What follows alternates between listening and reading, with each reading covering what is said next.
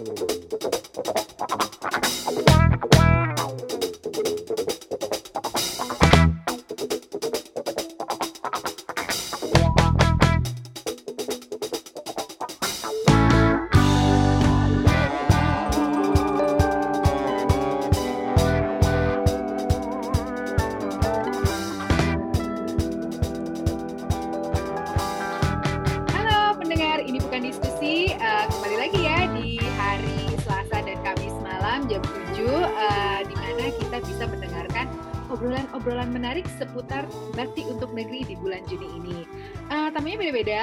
misalnya eh, kalau misalnya minggu lalu kan kita ngobrolnya sama bagian dari Kementerian Pertahanan tapi dia sebenarnya dokter.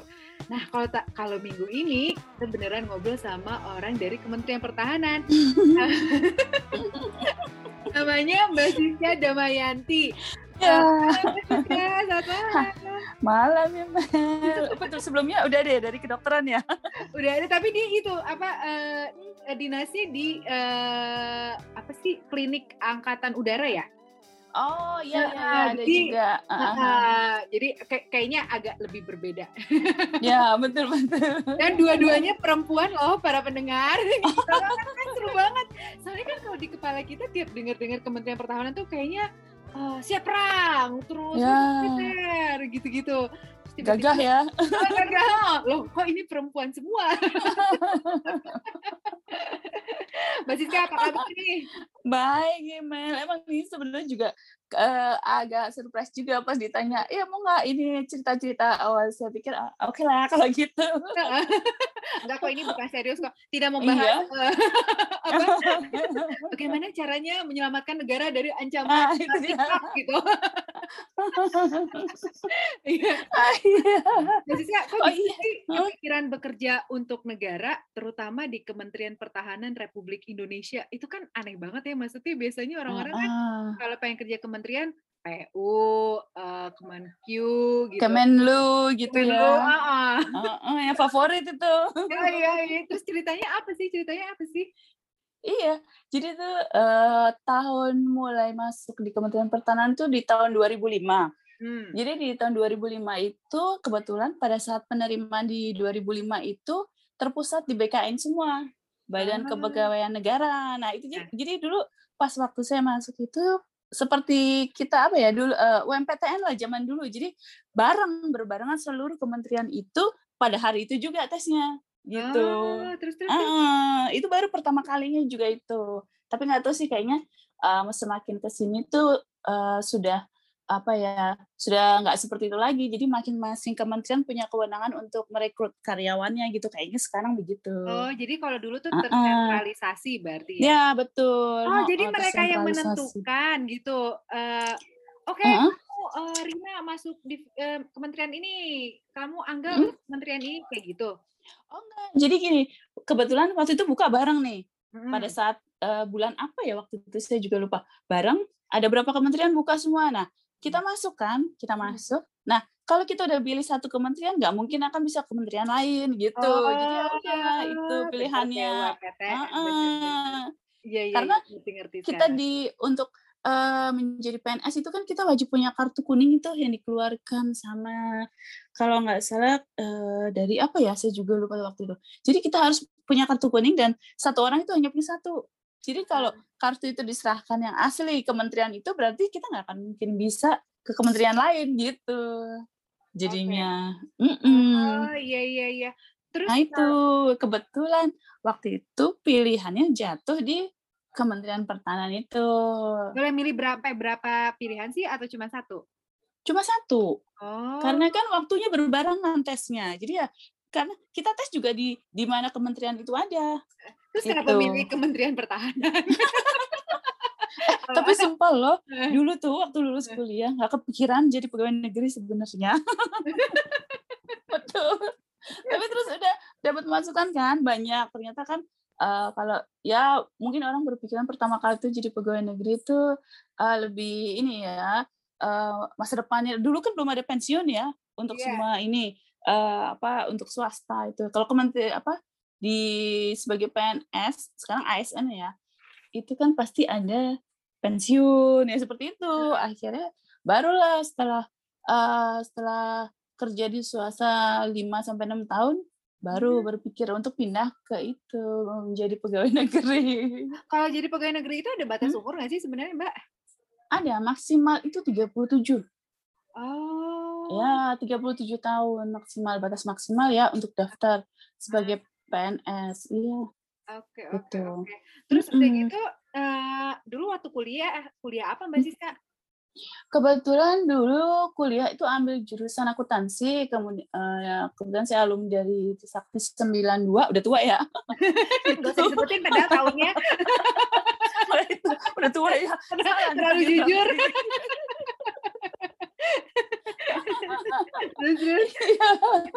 Jadi di akuntansi, kemudian nah setelah uh, lulus dari kuliah itu saya sempat di swasta dulu kan selama lima tahun di perhotelan uh, di bidang keuangan juga.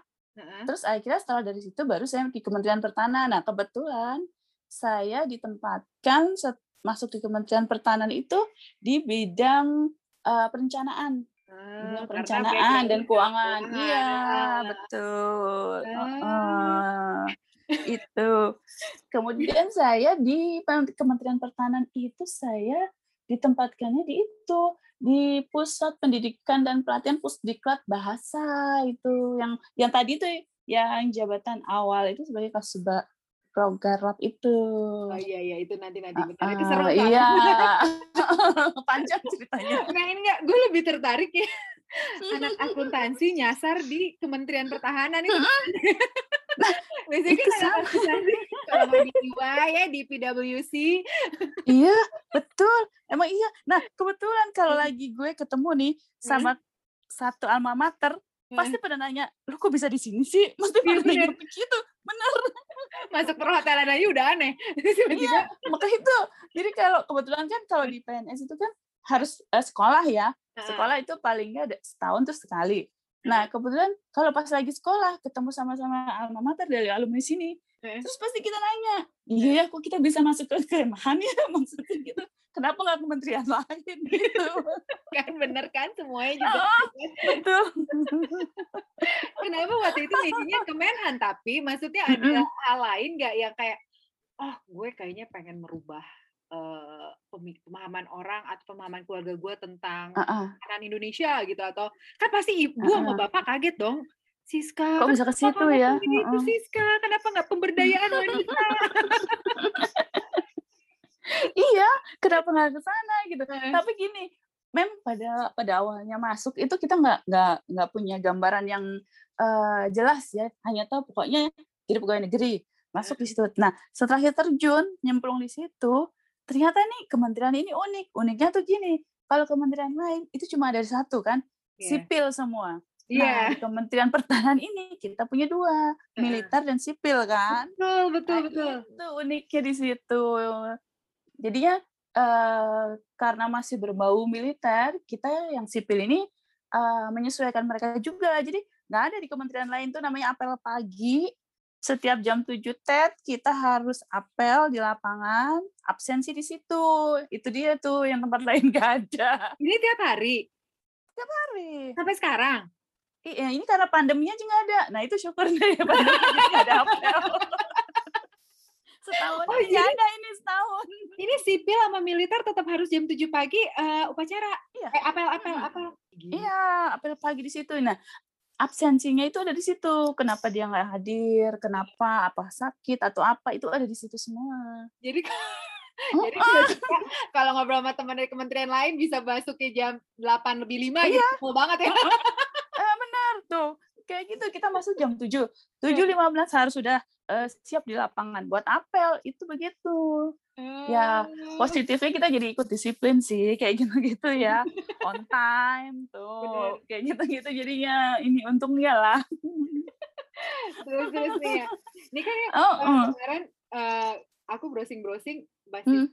Di tahun 2015 adalah nih dengerin ya pendengar ini bukan diskusi. nah, nih dengerin ya pelan-pelan. Kasubit, Progarlab, Bidrandiklat, Pusdiklat, Bahasa Gila itu apa?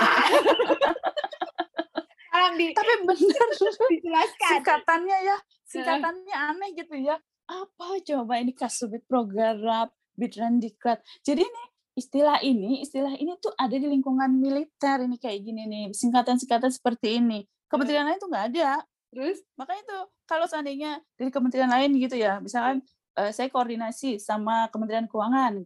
Kebetulan kan basic saya sekarang kan eh, di ini keuangan ya. hmm, Nah itu mereka bingung. Apa Iya. sih Bu jawabannya Iya. Bu? sama kementerian aja bingung. Pantesan gue juga pas lihat. Sih? Jadi Kasubit program itu K-nya itu kepala, Ah, subbit subbit itu sub bidang. ah. Ah, terus Pro-nya, progarlap, pro itu program, ah, garnya itu anggaran, ah. lapnya itu laporan. Oh, kemudian-.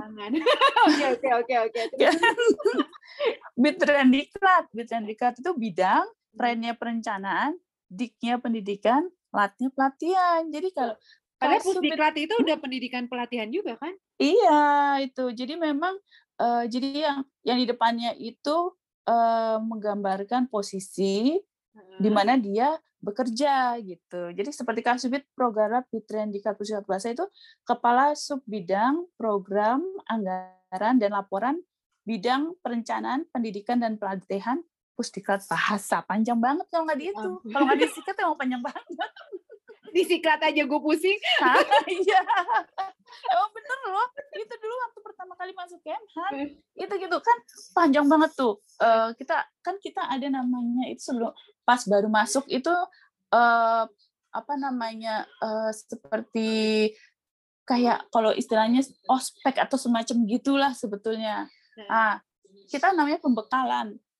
Kan panjang sekali ya, setiap Oke. paparan panjang.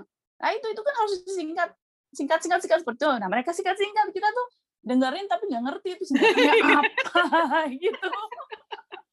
Benar. Pusdiklat bahasa itu berarti ngajarin bahasa asing atau apa sih sebenarnya? Betul. Jadi Pusdiklat Bahasa itu bagian. Jadi gini, eh, Badan Pendidikan dan Pelatihan disingkatnya Badiklat Kemhan Hmm. itu itu disebut sebagai satuan kerja atau satker di Kemhan berarti. Nah, Badiklat ini yang mempunyai kebijakan masalah pendidikan dan pelatihan di lingkungan Kemhan dan TNI. Hmm. Nah, di bawah Badiklat itu ada empat pusdiklat. Salah Hmm. satunya pusdiklat bahasa. Jadi seperti pusdiklat bahasa, pusdiklat manajemen. Nah, ini tingkatannya ada satu lagi yang aneh. Pusdiklat tekfunghan. Nah, kayak bahasa apa nih kan? Jadi pusat teknis dan fungsional. Jadi eh, pusdiklat ini dia itu lebih bersifat pendidikan yang teknis seperti eh, komputer, keahlian, keterampilan itu ada di situ. Nah, yang terakhir yang baru, yang baru berdiri sekitar tiga atau empat tahun, Pusdiklat Bela Negara, tempatnya ada di Rumpin Bogor. Gitu. Dan negara itu berarti lebih ke fisik gitu, Hmm. ancaman militer dan non militer. Ya, betul. Kalau ma- Ah. Pusdiklat itu lebih sifatnya pembekalan dalam bentuk fisik sama teori yang eh, masalah bela negara, cinta tanah air, seperti itu dia. Dan diklatnya itu nggak lama dia. itu paling seminggu dua minggu lah selesai tapi kalau pendidikan di luar pusdiklat bela negara seperti pusdiklat bahasa Hah? dia itu dia itu mempelajari bahasa jadi di sana itu terdapat bahasa Inggris ya udah pasti Ah. bahasa Inggris bahasa Rusia bahasa Jerman Wah, Bela- Rusia. iya bahasa Jepang Mandarin Prancis Arab eh, terus sama kalau ada permintaan bahasa yang lain itu baru ini Kalau Jadi- bahasa Hmm? lokal Indonesia kayak bahasa Jawa, bahasa Sunda Hmm? gitu itu perlu dipelajari apa enggak sih? Kalau dulu pernah kita itu bahasa Aceh waktu kita kira-kira yang waktu Aceh sedang apa sih waktu itu Sedang eh, ada eh, lagi ada konflik itu tahun berapa ya sekitar tahun 2002 atau 2000 sekian itu kalau ada permintaan kita siap gitu. Oh ya satu lagi kita juga ngajar bahasa Indonesia buat siswa asing di Oh, situ. iya iya buat Mm-mm. pelajarnya lah istilahnya ya. Iya gitu. Eh, Jadi kalau yang siswa-siswa yang mau belajar bahasa di sini nih, mereka yang rata-rata mau melanjutkan pendidikan ke luar negeri, nah mereka belajar di situ. Terus untuk misi perdamaian itu juga bahasanya di situ belajarnya. hmm. Kalau misalnya Mm-mm. nih si anggota militer mau naik pangkat, mereka Mm-mm. perlu ada level bahasa Inggris tertentu nggak sih, misal gitu, atau bahasa Mm-mm. atau lebih baik bisa lebih dari satu bahasa gitu, atau gimana? Uh-uh. Oh, kalau bahasa ini enggak, kalau untuk naik pangkat, mereka itu ada pendidikan lagi yang lebih sifatnya manajemen, ada di pusdikat manajemen. Nah, Oh, tapi kalau bahasa ini salah satu syarat kalau dia mau pendidikan ke luar negeri kan mereka harus tes TOEFL dan sebagainya tuh. oh benar-benar. Nah, mereka punya bekal lah di situ, mereka belajar bahasa atau enggak kan ada kalau di TNI itu mereka mau sesko sekolah komando ke luar negeri. Nah, untuk bekal bahasanya mereka belajar di situ. Baru Oh. mereka keluar negeri untuk sekolah gitu. ada nggak sih yang kayak eh, belajar apa sesko itu tapi sekolahnya ke Rusia gitu misalnya? Ada, ada Oh, ya ada? mereka mau iya. Jadi jadi jadi mereka tuh eh, ini sekolah ke mau sekolah lanjutan ke Rusia. Nah, mereka tuh bekalnya belajar bahasa Rusia di situ. Atau enggak seperti ini dari misalnya angkatan udara. Mereka beli kan pesawat Sukhoi itu. Nah, bahasanya bahasa Rusia semua. oh kan harus nggak- belajar ya, bener. Harus belajar. Jadi mereka belajar di situ gitu jadinya. Iya. Ih seru Heeh, banget. aneh kan? Juga seru. sih. Ternyata di dalamnya asik loh itu. Iya, bener. Pertahanan. Terus sekarang Mbak Siswa divisinya divisi apa? Kan, kan karena itu pas Kasubit, Progarlab, Mm-mm. dan Mhm. diklat Pusdiklat Bahasa 2015 sampai 2019. Ya, Sekarang udah betul. divisi berarti. Udah, udah pindah. Di 2005 sampai 2015 2019 itu Kasubit Progarap eh, tadi. Hmm. Terus di 2019 sampai 2020 saya masih di Pusdiklat Bahasa di Kasubit Evaluasi dan Laporan. Itu Hmm. setahun itu cuma nah. Kemudian di tahun akhir 2020 Ya. eh enggak di akhir 2020 di awal 2020 saya pindah ke kantor Badikat Kemhan jadi yang pusatnya Badikat Hmm. itu eh, posisinya ada di Tugu Tani Jakarta Pusat dekat stasiun Gondang Dia itu di Oh sana iya, aku sekarang ah Terus, iya di situ itu sekarang nah benar-benar di keuangan. Jadi sekarang kan jabatan saya itu eh, kasubag nah kalau di level satker bukan kasubit lagi istilahnya tapi kasubag kepala subbagian eh, tapi Heeh. tapi lebih pendek ya kayaknya singkatan ini kalau itu Kasubag Batiklat udah. Iya, saya jadi gini, cuma kasubag bendahara Badikat Kemhan. Nah udah jadi singkat-singkat sekarang kalau yang di level satker nggak Jadi- panjangan. Jadi kalau ketemu sama orang Kemenhan semakin sedikit singkatannya semakin tinggi pangkatnya berarti ya. Ah, nggak juga. Cuma sebagian gampang aja ngingetnya. Iya benar-benar. Iya emang banyak kok aneh-aneh deh pokoknya istilah-istilahnya itu. Kalau misalnya Mm-mm. Kemenhan terus tapi sipil ya, karena kalau militer kan udah pasti Hmm. pindah-pindah tuh. Kalau Ya, sipil eh, pindah-pindah kota juga nggak sih? Eh, penu- ada penugasan gitu nggak? Atau lebih cenderung pindah divisi tapi masih di kota yang sama? ya kalau di sipil Kementerian Pertahanan ini untungnya cuma ada di Jakarta. Kita nggak punya perwakilan di luar. Iya, karena Oh, nah oke. Kementerian Pertahanan itu kan sebetulnya nih kebijakan dalam bidang pertahanan. Nah, eksekusinya itu kan di masing-masing angkatan itu. Iya. Jadi seperti angkatan perlu senjata apa-apa-apa ini. Nah, kebijakan itunya ada di Kemhan. Jadi seperti itu. Jadi Kemhan itu sifatnya lebih sifat kebijakan, sedangkan kalau mereka itu lebih teknis, jadi kan mereka lebih banyak di daerah-daerah kan tersebar tuh kalau yang angkatan.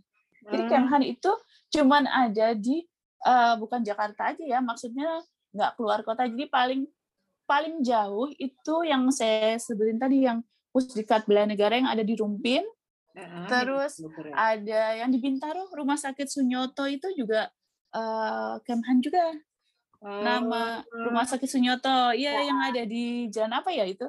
veteran. Eh, bukannya bukan veteran apa ya? Lupa. Iya, eh, iya. veteran, benar-benar Oh, veteran. veteran ya, bener ya. Oh iya, ya. Iya itu. Terus di Pondok Labu, nah itu. Jadi Kemhan itu sekitar situ aja. Pondok Labu, Merdeka Barat, terus rumah sakitnya ada di Jalan Veteran, yang paling jauh di Rumpin itu, Bogor. Jadi nggak ada di luar itu. Nah kalau sipil, sipil itu memang cenderung jarang pindah paling pindah ya di lingkungan Kementerian Pertahanan aja beda satuan kerja itu aja sih oh, tapi nggak ada yang sampai luar kota Jakarta aja ya Mm-mm. paling aduh saya kok kayaknya rumah saya lebih deket nih ke Bogor saya Hmm. coba pindah deh yang di Bogor gitu Hmm. terus misalkan aduh rumah saya lebih daerah selatan nih saya pindah di selatan aja deh nah itu kan segitu aja sih nggak Ah. jauh-jauh dari sana Mm-mm. kalau gitu Gitu. Hmm? Kan karena Mbak Siska di Pusdiklat Bahasa kemarin-kemarin ya maksudnya Mm-mm. tuh sering work travel nggak jadinya kayak misalnya mengunjungi eh, batalion di eh, Bali misalnya atau batalion di Hah? Makassar buat ngajarin apa gitu atau buat memantau pusdiklat bahasanya atau apalah nggak aku oh ya pernah juga apa sih. gimana?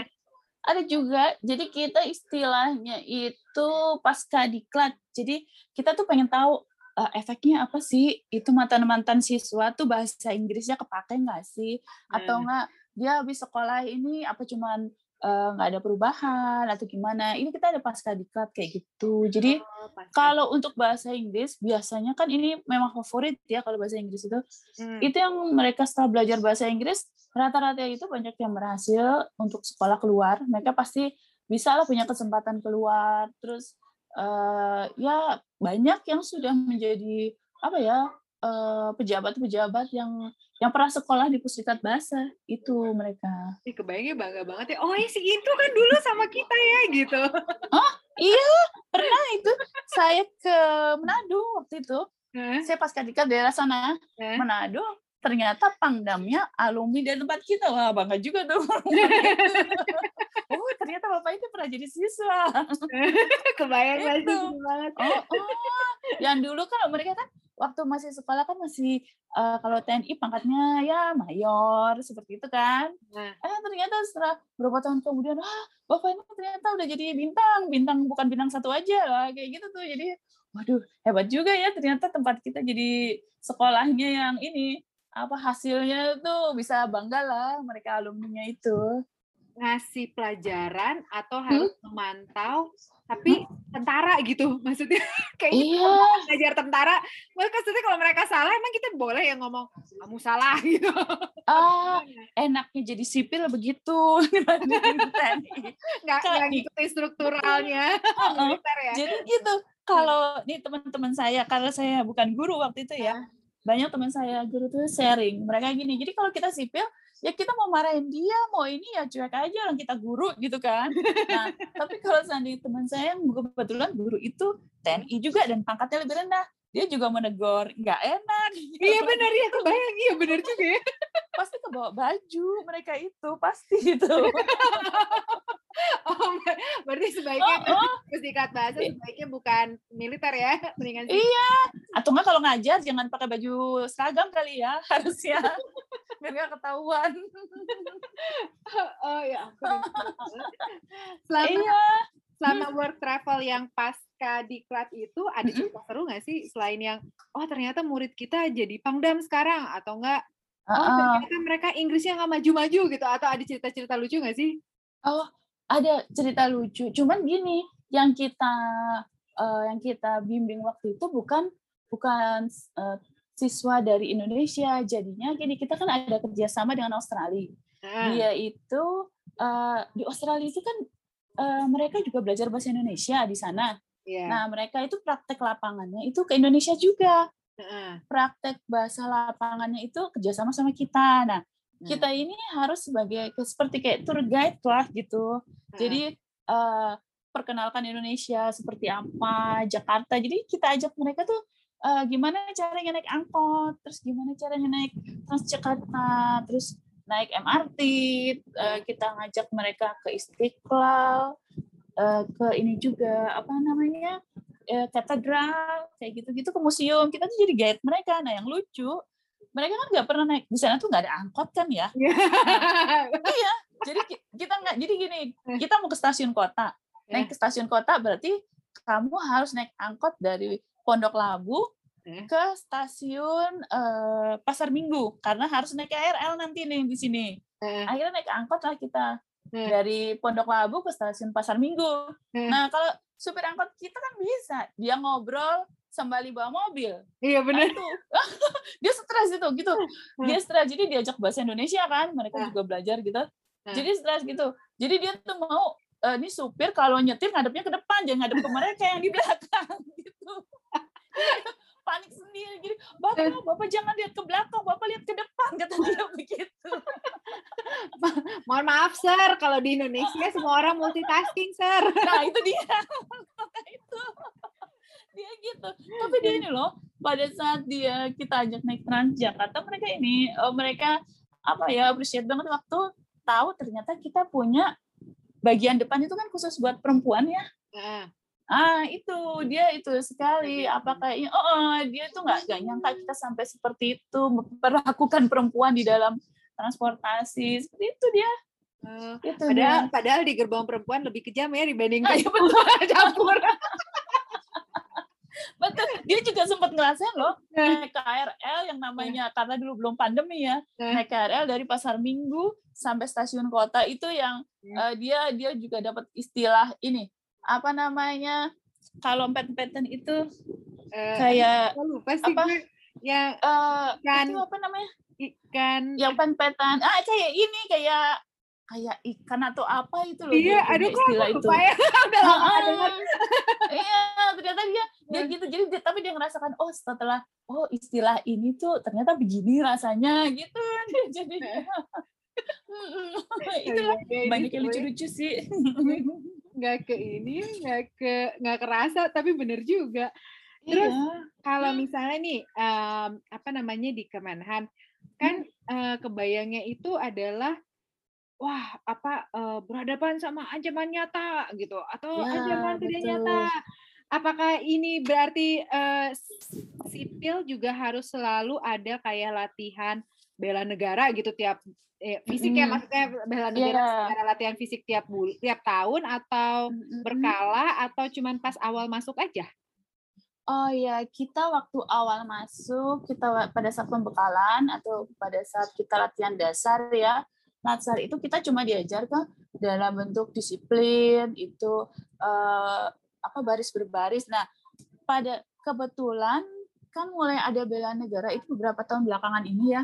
Mm-mm. Mas tiap PNS itu ASN ini diwajibkan di Kementerian Pertahanan itu Heeh. dia wajib untuk ikut diklat eh, bela negara, kader bela negara. Jadi kita itu eh, kalau dulu kan dibagi ada beberapa ya karena saking banyaknya eh, sipilnya.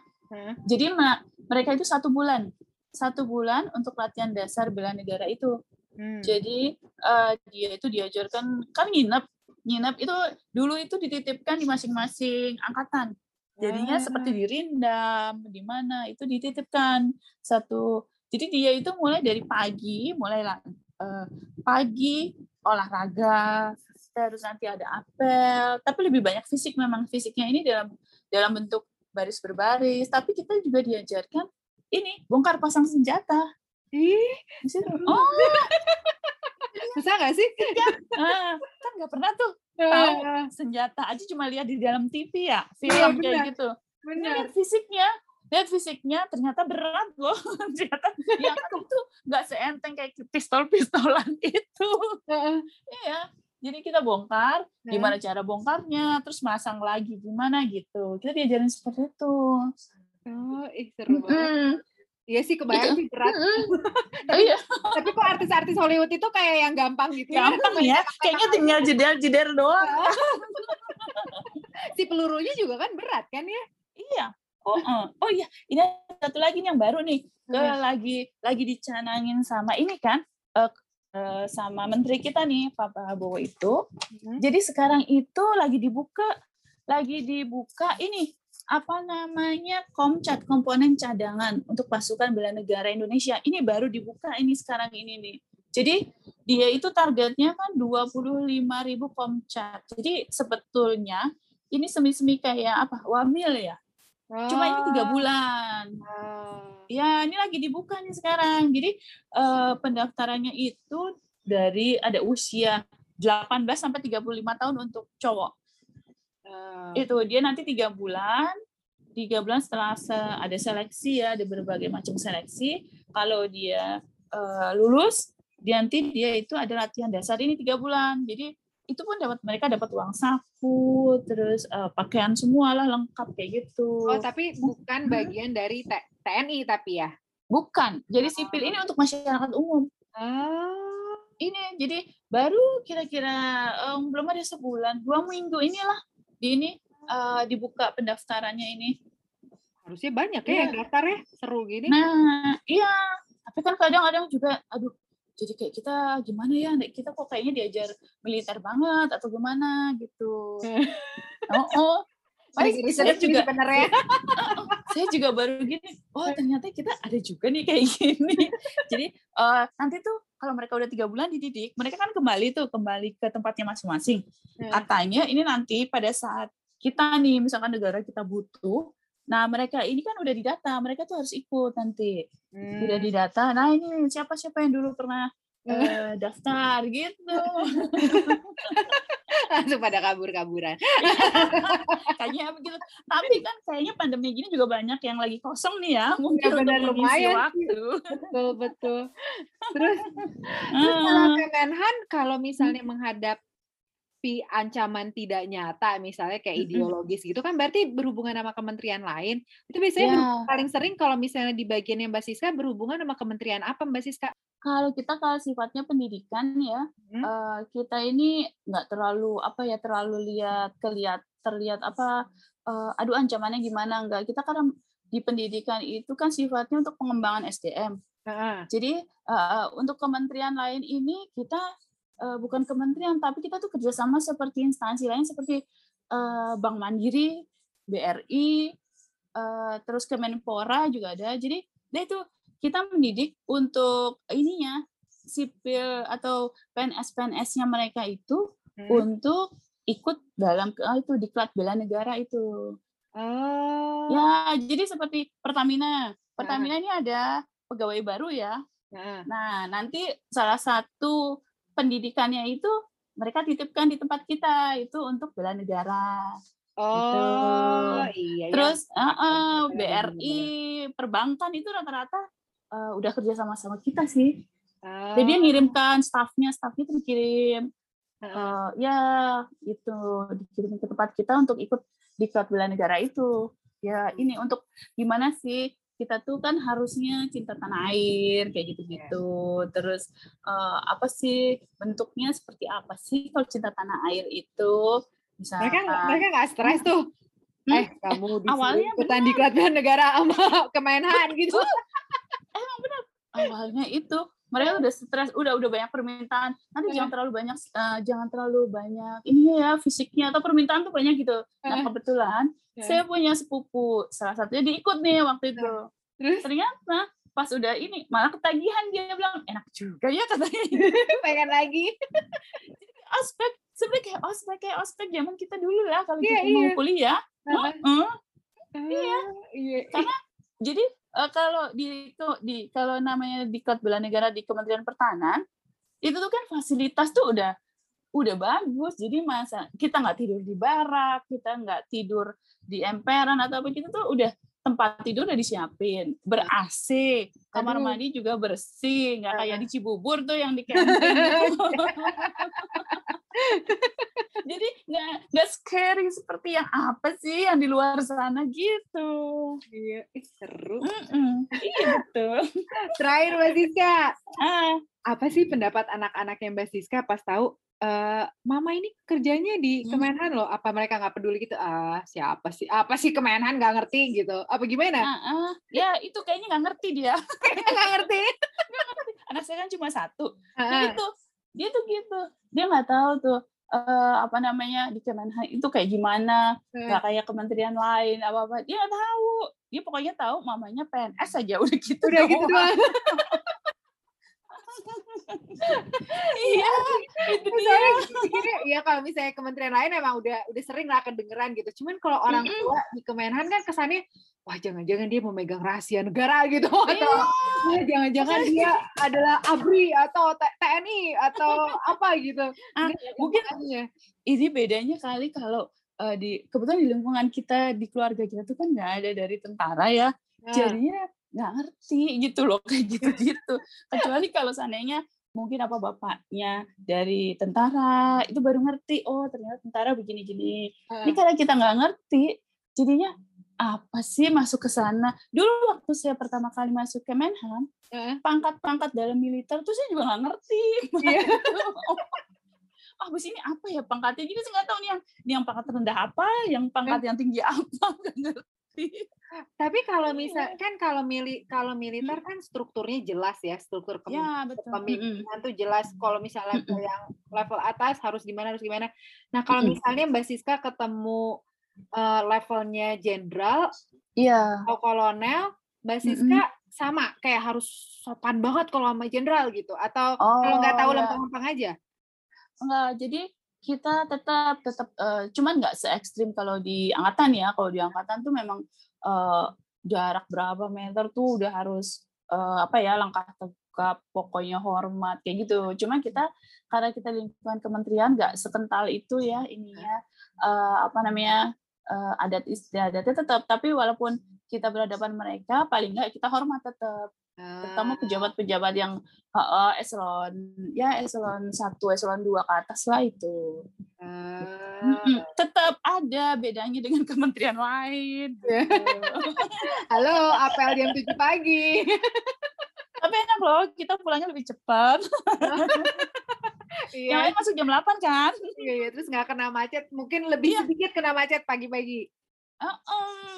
Jadi banyak karena kita masuk jam 7, teman-teman yang rumahnya jauh kayak di Bekasi itu mereka itu sebelum jam setengah lima tuh udah pada berangkat. Wah, setengah lima? Iya. Gila. Oh, oh pengorbanannya banget iya, ya. Sekarang WFH malah seneng kali ya. iya benar benar mereka berasa banget deh. WFH bisa di rumah hanya dengan modal laptop ya ampun gak kerasa udah lebih dari tiga puluh iya, ya. aduh sih ini lah bedanya kalau perempuan kalau ngobrol udah ya, gak kerasa seru banget ilmunya iya. akhirnya membukakan mata uh, pendengar ini bukan diskusi ya kalau iya. Kemenhan itu nggak seserem itu kok. Iya, uh, uh, ternyata nggak seserem itu kok, nggak se gimana Atau nanti gitu. kalau misalnya gue interview militer, kayaknya nggak berani juga deh. Gue nya nggak berani. oh gitu ya. Benar-benar. eh tapi nggak sih, mungkin militer sekarang nggak segahar dulu. Segahar dulu ya. ya ampun, makasih banget ya Mbak Siska atas Sama-sama. Uh, iya. Semoga sukses terus dan bisa semakin lama uh, apa posisinya semakin nggak uh, terlalu banyak singkatan ya karena Amin. iya, iya. Jangan membingungkan gitu ya. Iya betul. Terima kasih mendengar ini bukan diskusi. Jangan lupa di follow Instagramnya, di follow juga di Spotify. Um, dan dengerin lagi nih seru-serunya uh, tema kita bakti untuk maju di bulan Juni. Selamat malam semuanya. Selamat malam Siska. Iya, selamat malam juga.